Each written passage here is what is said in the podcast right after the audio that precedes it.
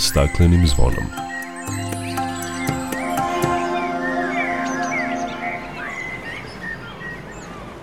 Dobar dan i dobrodošli na Zeleni talas prvog programa radija Radio Televizije Vojvodine. Ja sam Dragana Ratković. U Srbiji se prema procenama svake godine baci više od 240.000 tona hrane, odnosno 30 do 40 kg po stanovniku. Pravilnim generisanjem ovaj otpad može se iskoristiti za stvaranje biogasa, proizvodnju električne energije, prirodnog đubriva i tako dalje. Čućete do kakvih su saznanja došli stručnjaci sa Fakulteta tehničkih nauka koji su se bavili izučavanjem ove vrste otpada, mereći njegovo procentualno učešće u ukupnoj količini organskog otpada kao i proučavanjem njegovog morfološkog sastava.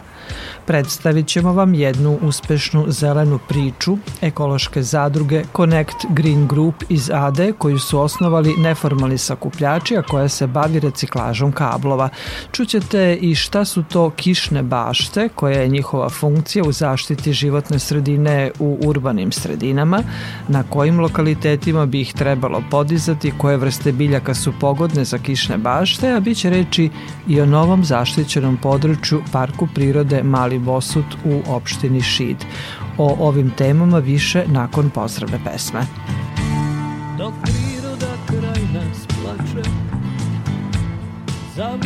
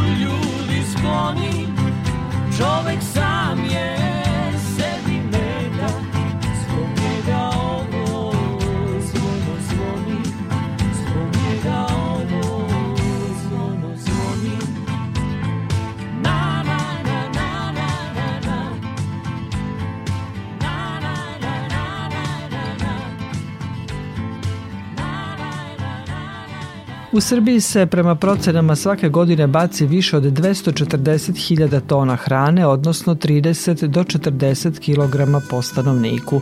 Održivo upravljanje biorazgradivim organskim otpadom doprinosi bezbednosti životne sredine i zdravlju ljudi. Nažalost, veliki deo organskog biorazgradivog otpada završava na deponijama. Međutim, trend u svetu koji i mi polako preuzimamo jeste da se pravilnim tehnološkim procesom od biorazgradivog otpada dobije kompost, odnosno prirodno organsko đubrivo, ali i biogas. Na taj način smanjuje se emisija štetnih gasova sa efektom staklene bašte. Više o tome Vlado Matijević. Biorazgradivi otpad u koji se ubraja zeleni otpad i onaj koji nastaje u domaćinstvima kao što su ostaci od priprema hrane, jedan je od uzroka povećanja emisije štetnih gasova koji utiču na promenu klime.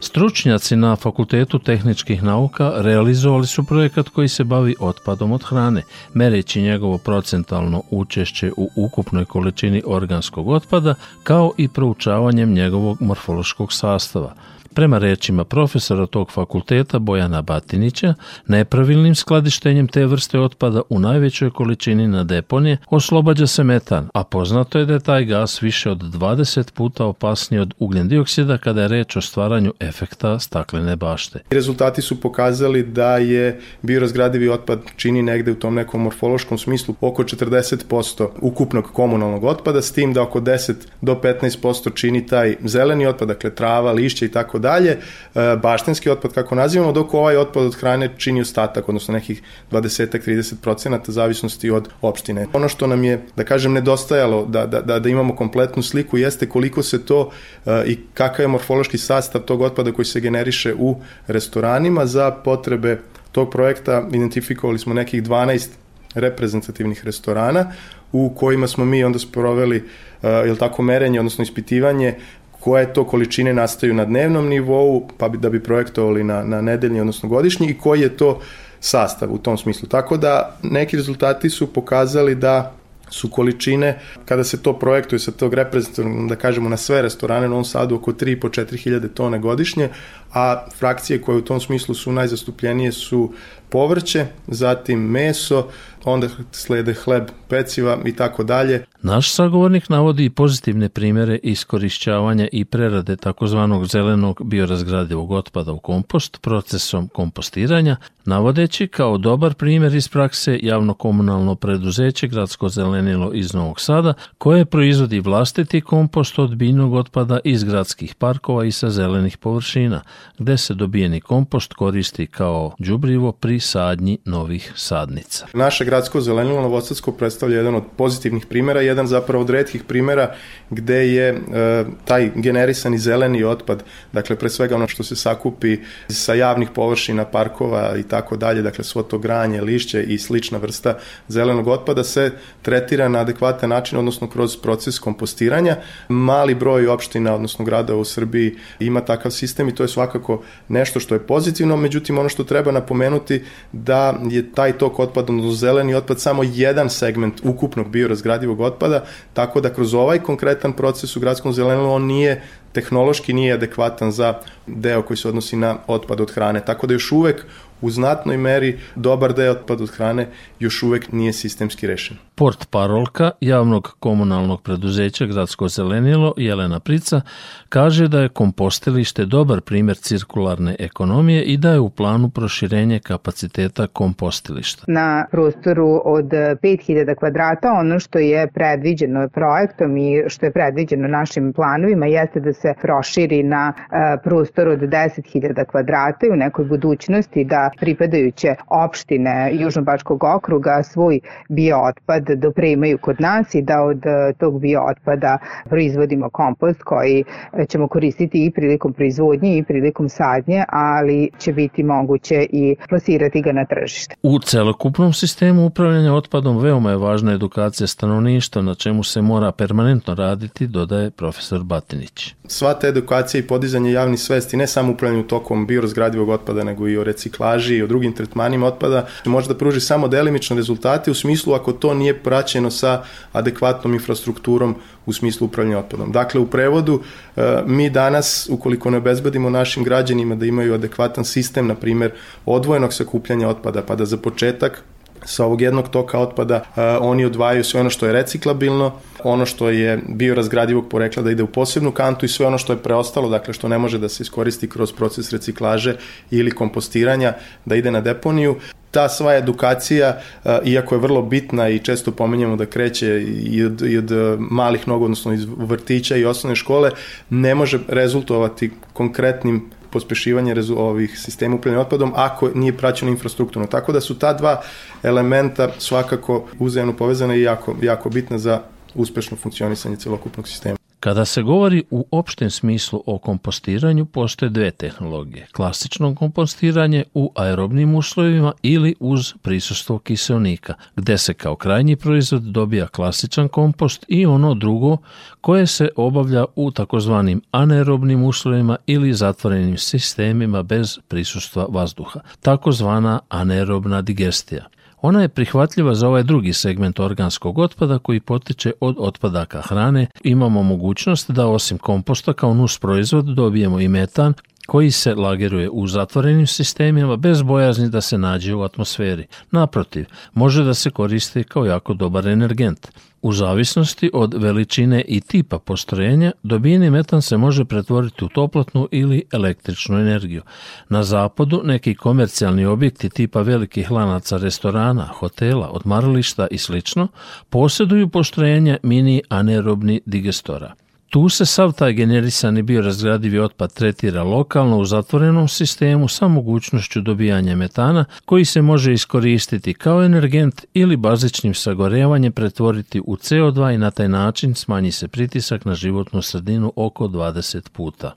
Prema podacima Agencije Ujedinjenih nacija za hranu i poljoprivredu, trećina hrane koja se proizvede na svetu nikada se ne iskoristi. Kažu da na deponijama 60% otpada čini upravo hrana.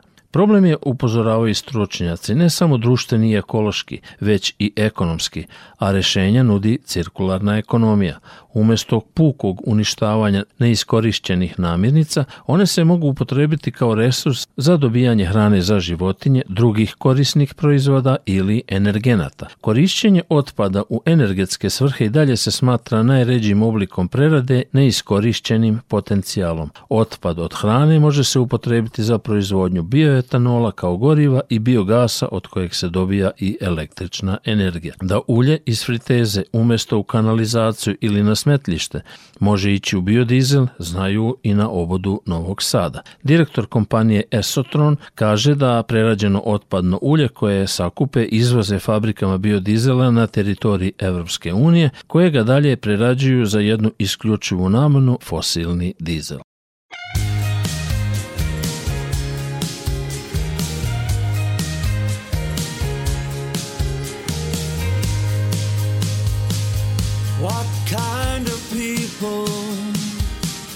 Live in these houses? What kind of sad dad scratches in this crash pad? T-shirts or blouses, torn jeans or trousers. What kind of people live in these houses?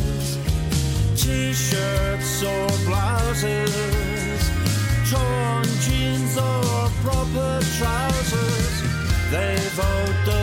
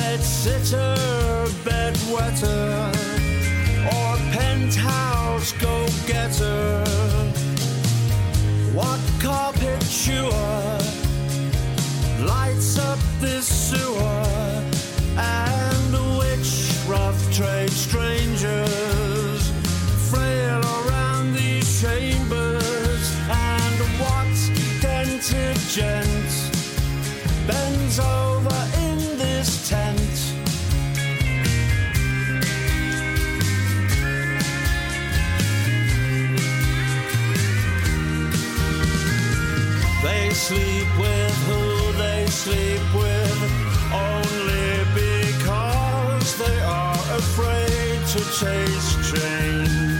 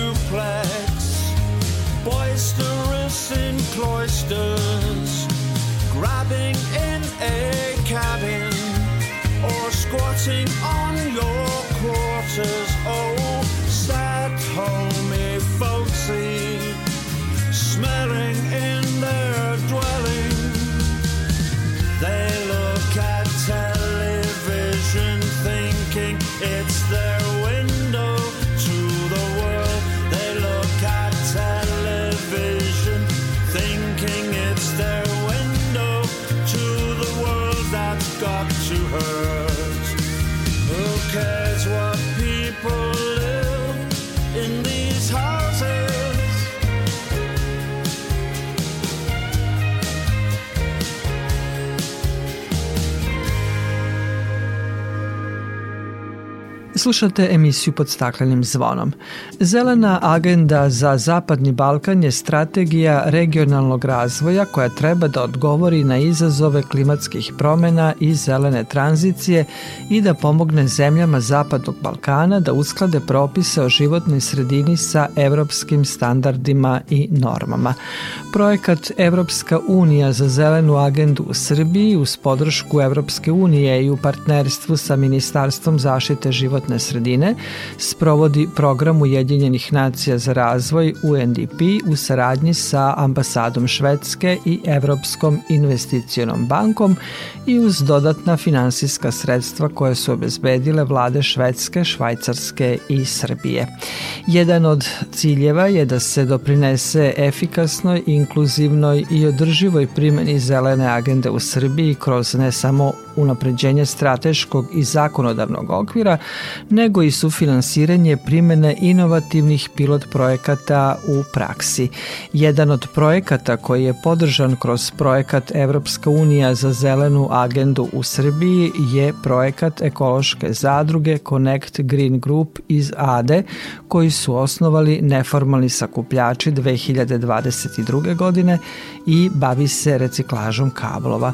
O tome sam razgovarala sa jednim od osnivača zadruge, Kilinom Stojkovim. Ovo je onako dosta jedinstvena, ajde da kažem, inicijativa jer je nastala od neformalnih sakupljača u borbi da se organizuju u neki pravni entitet gde će moći da imaju kvalitetniju proizvodnju, bolju cenu i neki entitet koji će zastupati njihova prava pred eh, različitim institucijama.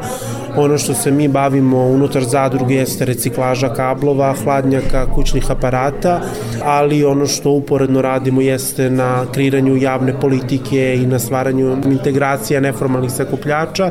I treća stvar zaštita vazduha, ono što nam je u fokusu smanjenje paljanje kablova uz postavljanje, ajde da kažem, ovog našeg modela na različitim lokacijama u Srbiji. 100.000 tona kablova godišnje se kod nas odloži baci i predstavlja veliki problem za zaštitu životne sredine upravo zbog toga što se veća količina spaljuje da bi se dobio bakar.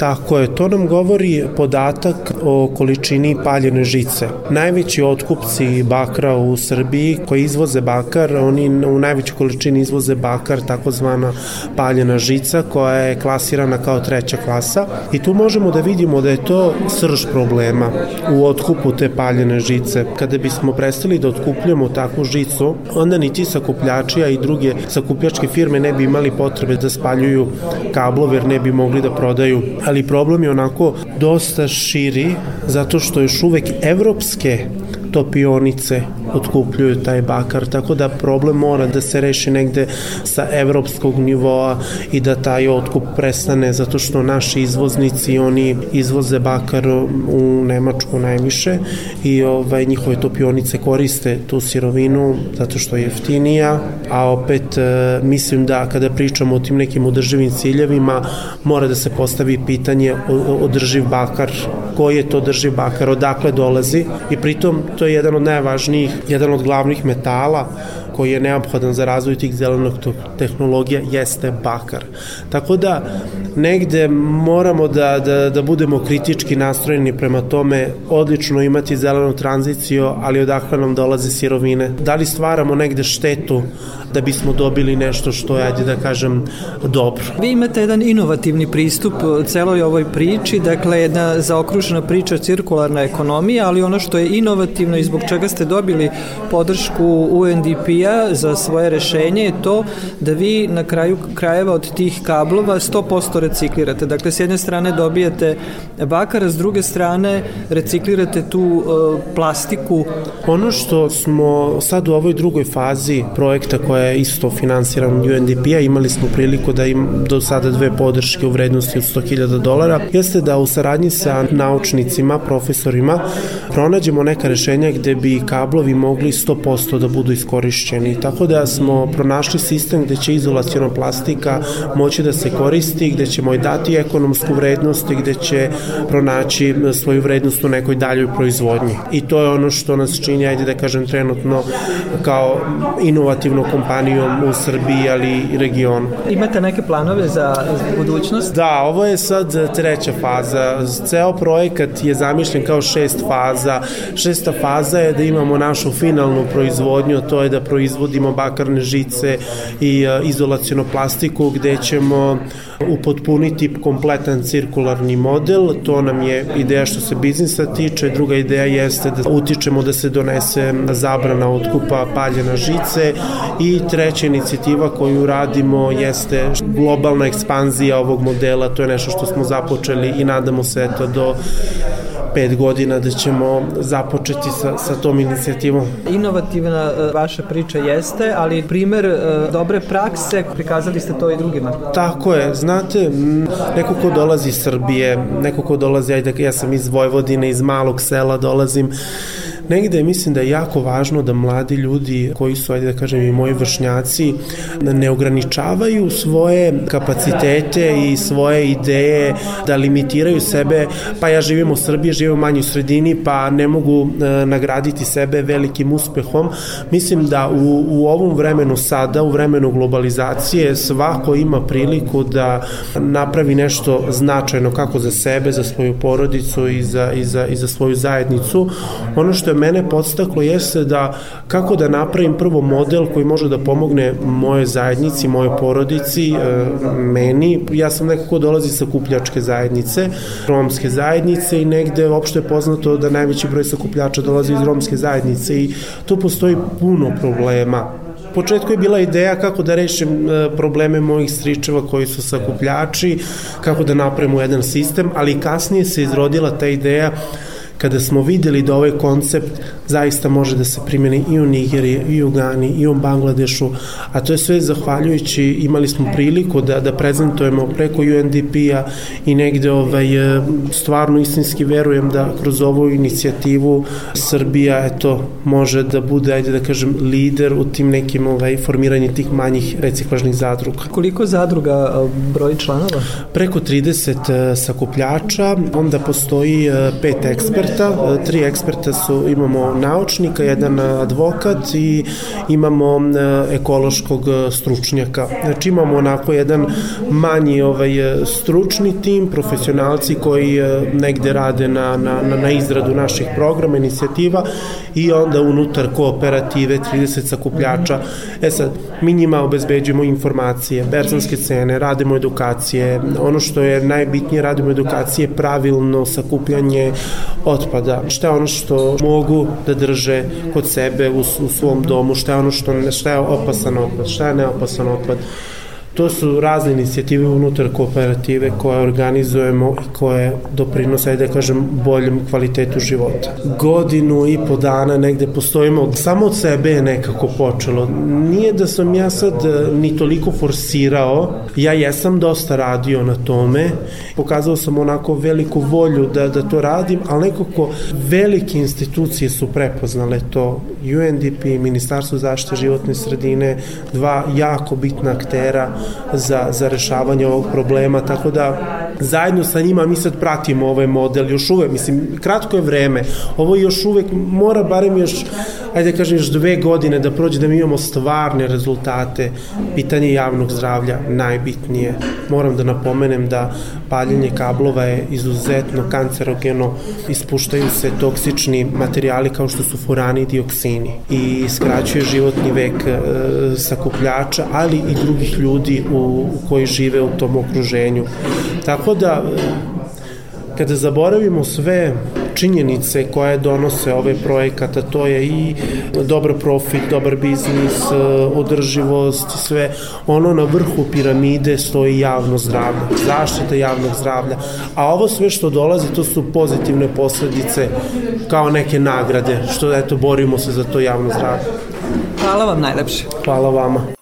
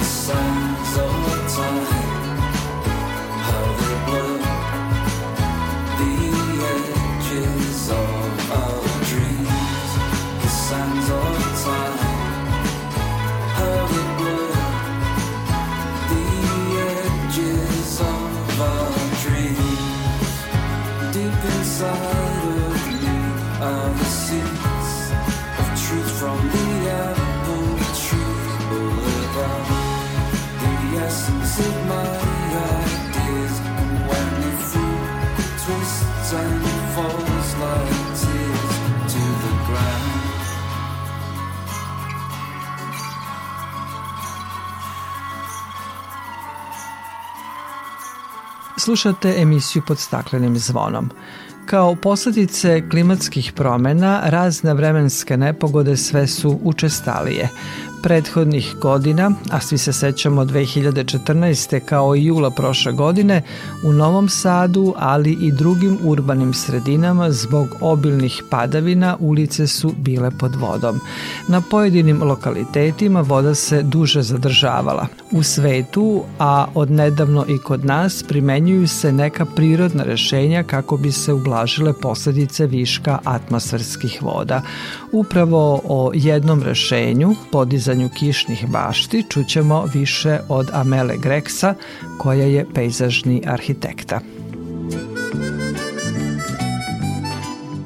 Jedno od rešenja kako bi se ublažile posledice viška atmosferskih voda u urbanim sredinama koje se već primenjuju u svetu od prošle godine kod nas su kišne bašte. Objasnite nam šta su kišne bašte i koja je njihova funkcija u zaštiti životne sredine u urbanim sredinama. Kišne bašte, odnosno bioretencioni sistemi, to je da kažem malo stručni naziv, su bašte jedan vid, da kažem, zajednih površina koja se primenjuje upravo kao što ste rekli, za upravljanje atmosferskom vodom i negde njihovi e, najznačajniji i najpoznatiji benefiti jesu upravo ublažavanje tih negativnih posledica klimatskih promjena kao što su učestale padavine, odnosno velika količina padavina koja se pogotovo u urbanim sredinama imaju, da kažem, vrlo značajnu a, ulogu, a to je da smanje negativne posledice klimatskih promjena kao što su pojava e, poplava prilikom pojave e, velike količina padavina koja, da kažem, kanalizacija ne može u datom momentu da primi. Tako da negde to jeste njihova osnovna uloga, dakle da tu vodu e, u što kraćem roku primi, absorbuje, odnosno infiltrira, a takođe da istretira, odnosno da prečisti. To je, da kažem, još jedna uloga upravo kišnih bašti, dakle da negde smanje zagađujuće materije koje se vremenom talože na tim neprepusnim površinama i dakle kada padne kiša onda se te zagađujuće materije putem dakle od tog otica zapravo prenose u kanalizacijne sisteme a kasnije i u recipijente površinske vode i tako dalje. Tako da možemo da kažemo da je kišna bašta jedan multifunkcionalni sistem koji ima višestruke benefite za životnu sredinu, dakle smanjuje problem sa pojavom e, čestih poplava, smanjuje zagađenja, takođe utiče i na povećanje biodiverziteta i takođe naravno da ne zaboravimo taj estetskih momenta, to je na, da sadnjom kišnih bašti zapravo povećavamo procenak zanih površina upravo u nekim urbanim područjima. Koji su to lokaliteti gde bi trebali da podižemo kišne bašte kako bi ublažili posledice tih atmosferskih padavina? Gde najčešće? Znamo da je u gradu dosta betona e, i malo zelenih površina. Upravo tako. Po defaultu, da kažem, e, najviše se primenjuju upravo u tim nekim urbanim područjima gdje imamo veliki procenat izgrađenih površina, ali naravno e, mogu da se primenjuju i u nekim manje urbanim područjima. Ali ako pričamo o toj njihovoj osnovnoj funkciji, dakle da u tim urbanim područjima zapravo potpomognu da se taj višak vode u što kraćem vremenskom roku odvede sa tih površina, dakle to su lokacije lokacije kao što su saobraćajnice, putevi, parkinzi, e, dakle površine koje su nepropusne i kod kojih e, voda ne može na prirodan način da se infiltrira, odnosno gde imamo kanalizacioni sistem koji u tom momentu ne može, dakle kao što sam već pomenula, da primi određenu količinu atmosferske vode, pogotovo ukoliko se e, pojave padavina, odnosno kiša koja je veoma velikog intenziteta, što se dešava u proteklih nekoliko godina kao posljedica klimatskih promjena, a i naravno što veći izgradnje upravo u urbanim područjima. Koje su to vrste biljaka koje su pogodne i koje mogu i da absorbuju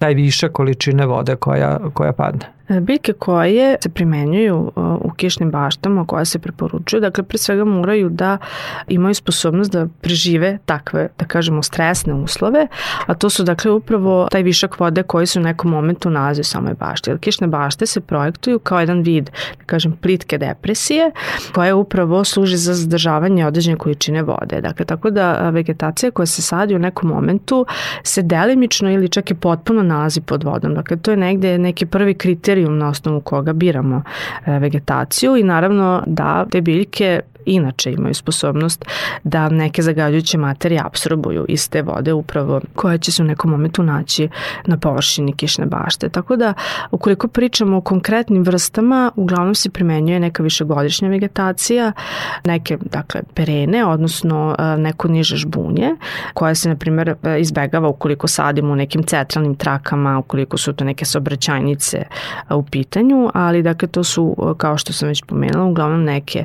višegodišnje višegodišnje biljne vrste e, kao što su neke ukrasne trave, neke vrste neke barske tako ili... je, da, da, da, koje već u nekim prirodnim uslovima koje već žive na nekim tako vlažnijim staništima, ali naravno u nekom momentu neće biti vode, tako da i ti neki uslovi kada e, da kažem nemamo neku vlagu u samoj bašti, da kažemo neki suvlji ovaj e, period i takođe treba i na to biljke da budu da kažemo otporne. Tako da biljke imaju možete zaključiti takođe jednu veoma, veoma važnu, ako ne najvažniju ulogu.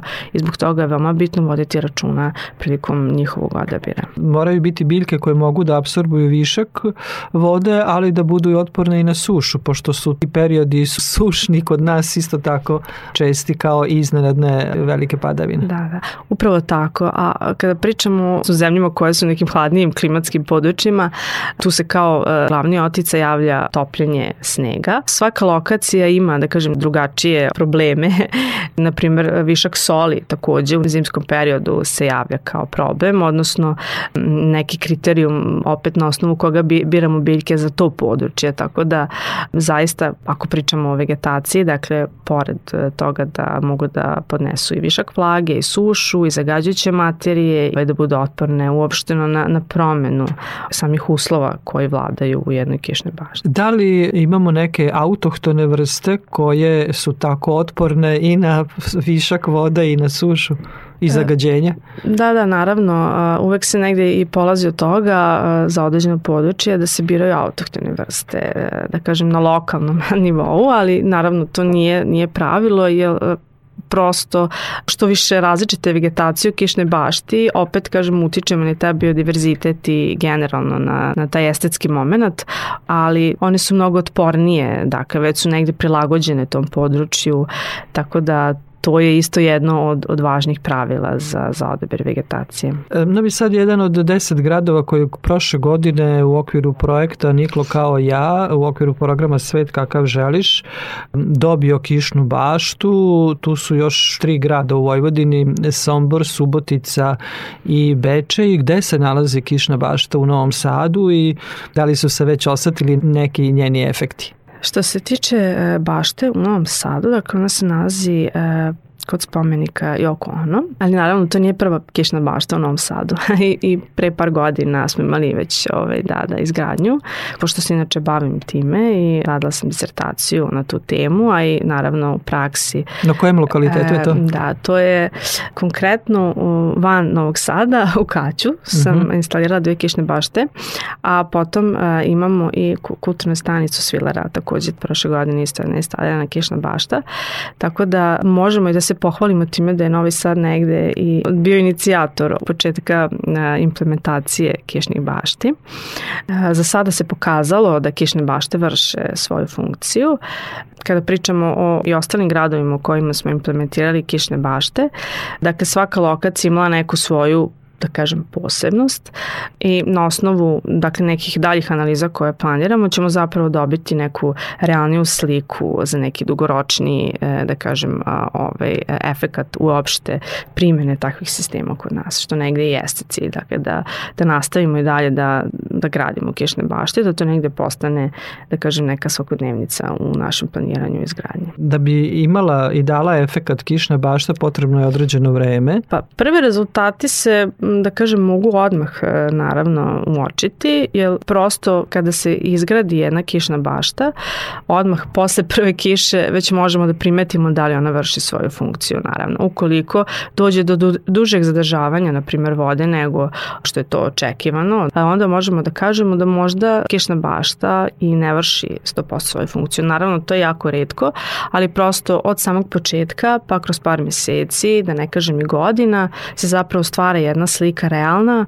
Kad imamo različite kišne periode, zagađujuće materije, naravno tu se rade razne analize na osnovu kojih se i dobijaju rezultati samo efikasnosti jednog kišnog vrata, ali generalno u svetu se do sada pokazalo zaista da, da vrše svoju funkciju uh, i po pitanju smanjenja otica i po pitanju smanjenja zagađujućih materija, tako da su, da kažem, zato i počele da se primenjuju svuda i da nekako ljudi se više okreću sada održivom održivom načinu kada je u pitanju upravljanje atmosferskim vodama. Na kojoj površini se podiže taj kišni vrt da bi on imao efekta? Koja površina bi to trebalo da bude? To sad naravno zavisi od same lokacije na kojoj se kišna bašta gradi.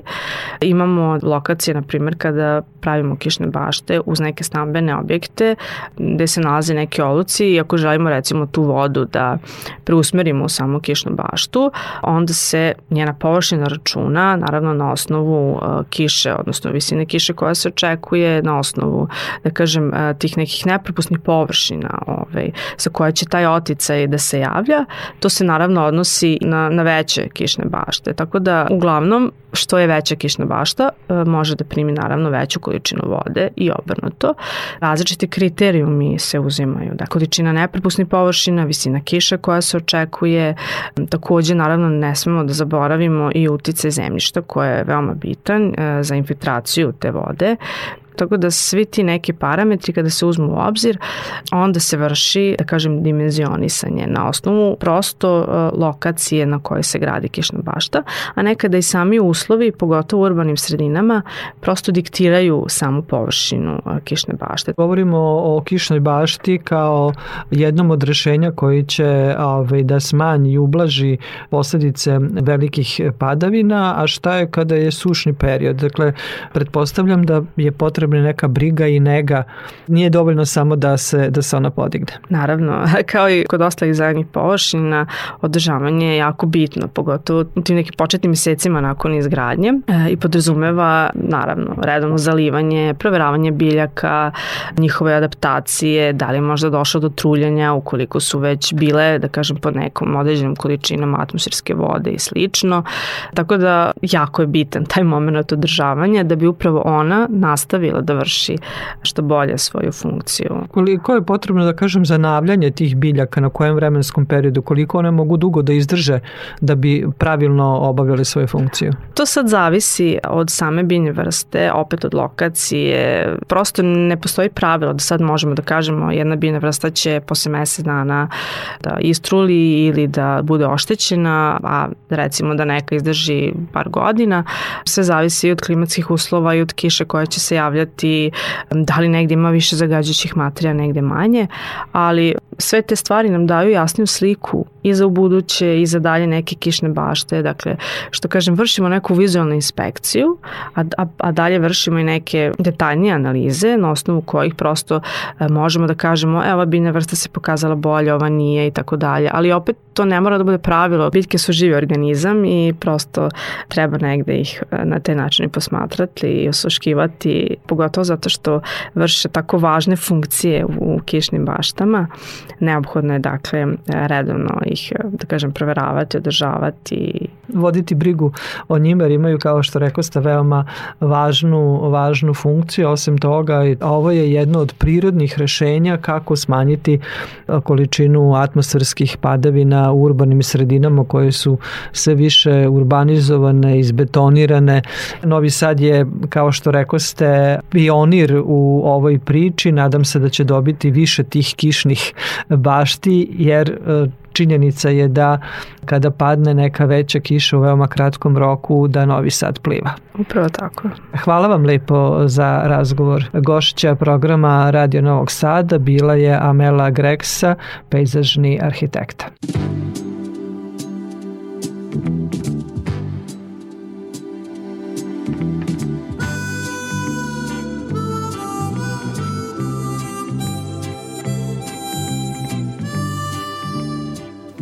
Slušate emisiju pod staklenim zvonom.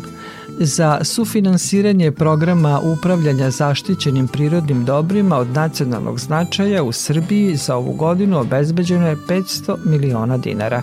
U ovom trenutku 99 područja uživa zaštitu na nacionalnom nivou. Prema rečima resorne ministarke Irene Vujović, Srbija je bogata prirodnim dobrima, a zadatak je da o njima brinemo i sačuvamo ih za buduće generacije.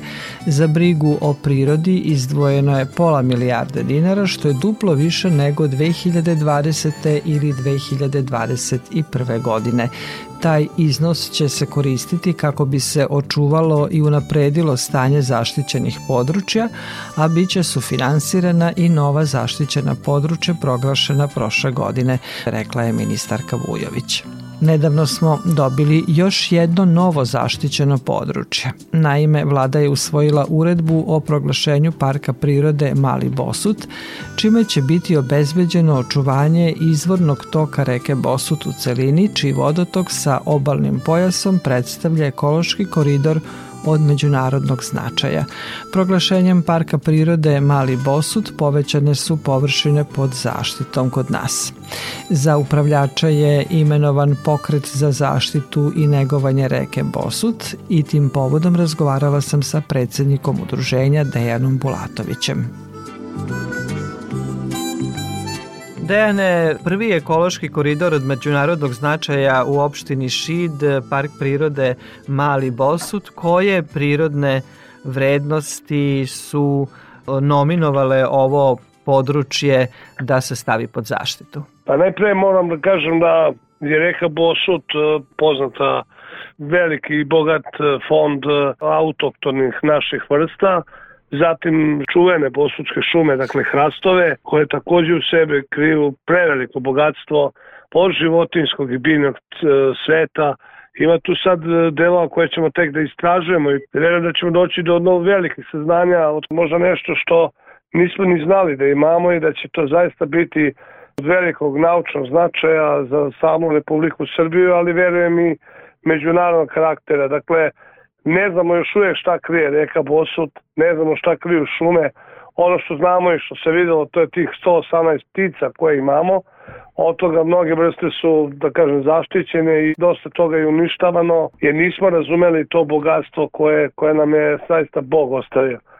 A sa druge strane, nije redko videti i vide na Bosutu, videti belorepana, orla, od sivih čapara, velikih, srednjih, malih, pataka i svega onoga što imamo, zaista jedno preveliko bogatstvo i radost najpre građana opštine Šid, Srema, Vojvodine i naravno Srbije, a da će se radovati i neki komšije kada dolaze u park prirode, jer u narodnom periodu radit ćemo insistirati na tome da što pre dođemo do onog stepene zaštite koje Bosu zaslužuje, ta borba počela od 2010. godine, mi smo imali veliku, široku kampanju, gde smo tada 2010. isticali potrebu i važnost za Bosu bude proglašen specijalni zatom prirode. I evo, na svu sreću i na rado svih građana Republike Srbije, nakon 13 godina borbe, uspeli smo da dođemo do rezultata. Mali Bosut proglašen je za park prirode, to je jedan deo, možemo samo reći, onoga većeg dela koji bi trebalo još i zaštititi. Reč je o prekograničnoj reci, zaštita prirode briše granice granice. Pa evo da vam kažem da smo mi 2010. godine išli na zvanične razgovore. Mi smo imali tada već i saradnju sa njihovom nevladinom organizacija koja se zove HRAC. Tada smo otpočeli jednu vrlo ozbiljnu intenzivnu saradnju, ali je bio uslov da bismo nastavili pred evropskim fondovima, recimo da tražimo neke donacije koje bi mi mogli da štitimo. Rekao, uslov je bio da Bosut dobije zaštitu u smislu rezervata ili parka prirode. Naravno, bez e, finansijske podrške je teško da se može bilo šta uraditi konkretno i na ozbiljan način. Nije tada bilo te volje. Saradnja nije prekinuta sa Republikom Hrvatskom u smislu zaštite reke Bosut i mi ćemo kao organizacija stupiti ponovo u kontakte sa njihovom administracijom i mi ćemo početi razgovore za nove projekte za budućnost reke Bosut, to jeste pitanje izvoljavanja, ali poštujući sve one standarde i principe zaštite ekološkog samog tog stanja i koridora, to ne sve ništa da se dovede u pitanje. Dakle, postoji način kako može da se reka spasava samo dno, dakle izvoljavanje, jer morate znate do 3 do 4 metra čak mulja postoji u reci Bosut, to jeste intenziviran problem i on mora da se rešava, ali kažem, moramo naći kako to raditi, a da ne ugrozimo taj ekološki lanac i sve ono što postoji u samoj reci ne sme biti dovedeno u pitanje. Dakle, mi smo već počeli za izradu projekta vizitorskog centra, dakle imat ćemo u Batrovcima vizitorski centar, tu će biti zaista mnogo tih detalja koji će zaista ovaj, obradovati sve te ljude koji će dolaziti. Tu najpre mislim i na nekoliko veoma važnih stvari od uzgoja autoktonih vrsta domaće stoke od e, podorskog govečeta do mangulice svinje pa do krave buše, to nam je najozbiljniji projekat i na prvom mestu uzgoj domaće guske, autoktone domaće guske. Zato će naziv tog projekta biti da bosut bude ono što je nekad bio. Uslovno je da se vrati sva ta autoktona vrsta ribe, da se potpuno izbaci alohtona vrsta ribe u samom bosutu i da budem iskren, ono što je najgore, a to je naravno čovek, opet faktor, to je ilegalno izljivanje ribe. Mi smo već evo, krenuli u akcije zaustavljanja e, ilegalnog izlova ribe. Volonteri bukvalno svakog sata su na reci Bosut i sprečava bacanje mreža, nema više onih što radi sa strujom, nema više tih vrški, dakle već smo to sad stopirali i divlja izgradnja na obalama reke Bosut u parku prirode, to će se takođe zostaviti uz pomoć državnih organa, inspekcija, ljudi znaju da mi to sad štitimo i da tu neće moći više da se radi ono što je radilo. Imamo niz programskih ciljeva, jedan deo će biti potpuno zabranjen za ulazak čamcima, to će biti prirodno nestilište, njega ćemo štititi punim kapacitetom, ovaj drugi deo od sela Batovaca koji ide do autoputa u Adraševcima, gde je i kraj, i gde je granica, gde se završava park prirode Mali Bosu, to je kod e, spomen obreža Sremski front, tu ćemo ovaj, pokrenuti, to nam zakon propisuje, a to je da ne može u parku prirode da se koriste motorni van brodski čamci. Dakle, ne može da se koristi ništa što je sa gorivom, jer to strašno zagađuje samu vodu. Imamo jedan prelep deo koji je Ahelošo nalazište u selu Batrovcima, posvetit ćemo mnogo pažnje i tome i podići to na najviši nivo koji zaslužuje to, naravno zbog turista, da bismo objasnili da zaista iz još rimskog doba, pa i ranije, je postoje grad na reci Bosu, dakle Rimljani su voleli Bosut i mi ćemo izneti dokaze za to, bit će tu svega lepoga za turiste.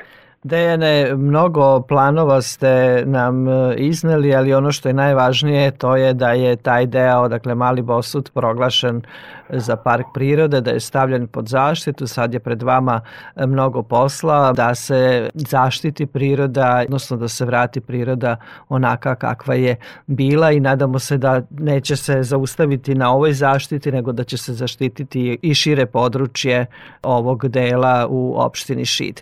Hvala vam lepo lepo za razgovor Ako. Ako mogu još samo jednu stvar da dodam. Pre svega ovaj vaš zaključak je sjajan. Da, treba širiti ta zaštićena područja i Park prirode Mali Bosut zdušno podržava sve buduće proglašavanje na teritoriji, posebno kažem teritoriji Vojvodine i to jeste nešto što podržavamo i ono što su Rimljani kada su živeli na reci Bosut i imali grad, svoj na samoj obali, oni su rekli ima ta neka čudna, kaže, reka koja, kaže, ujutru ide u levo, a onda pode ide u desno. Reka koja menja tok u jednom danu.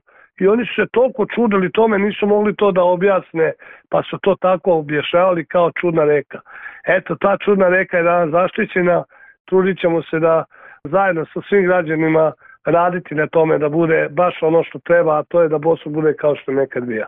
Da, mi se radujemo proglašenju, a vi zaštitite i negujte reku Bosut kao što je i kaže naziv vašeg udruženja. Hvala vam lepo Obećavamo za razgovor. Obećavamo da će tako biti. Hvala vam puno.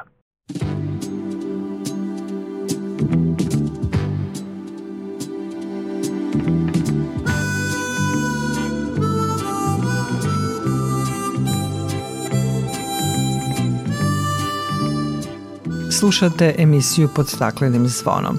Prema narodnom verovanju na sretenje se susreću zima i leto. Po ponašanju mrkog medveda može se videti koliko će zima još trajati. Ako medved ugleda svoju senku, uplaši se i vrati se u pećinu, tada će zima trajati još šest nedelja. Mrki medved medeni u zološkom vrtu na Paliću na sretenje se nije vratio u pećinu, tako da želimo da verujemo da je zimi došao kraj, kaže direktorka zološkog vrta na Paliću Sonja Mandić. Obzirom da se klima u celom svetu pa i kod nas menja, ni medvedi više nisu tako pouzdani meteorolozi kao u vreme kada je ovo verovanje nastalo, ali nadamo se da je na sretensko jutro naš medeni pogodio prognozu i da se zimi bliži kraj.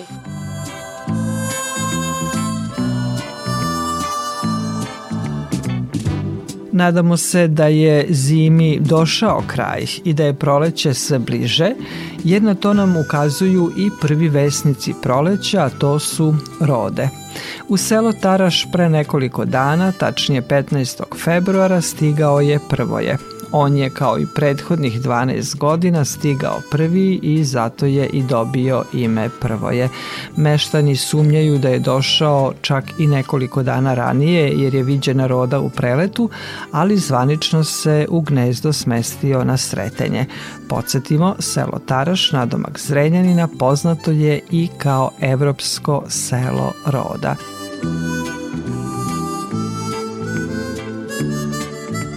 U nadi da nam je proleće sve bliže, završavamo još jedno izdanje emisije pod staklenim zvonom koji možete slušati i odloženo na podcastu Radio Televizije Vojvodine na adresi rtv.rs.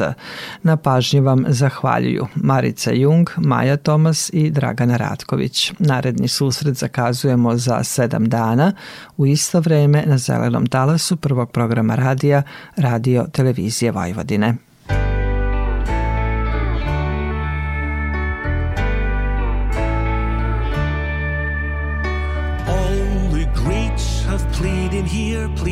Here, all the greats you see.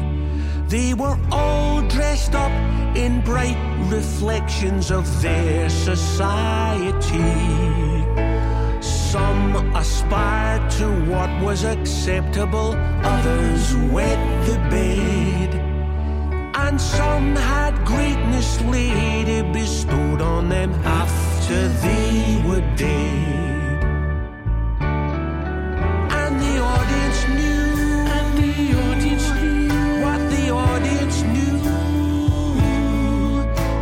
Audience knew.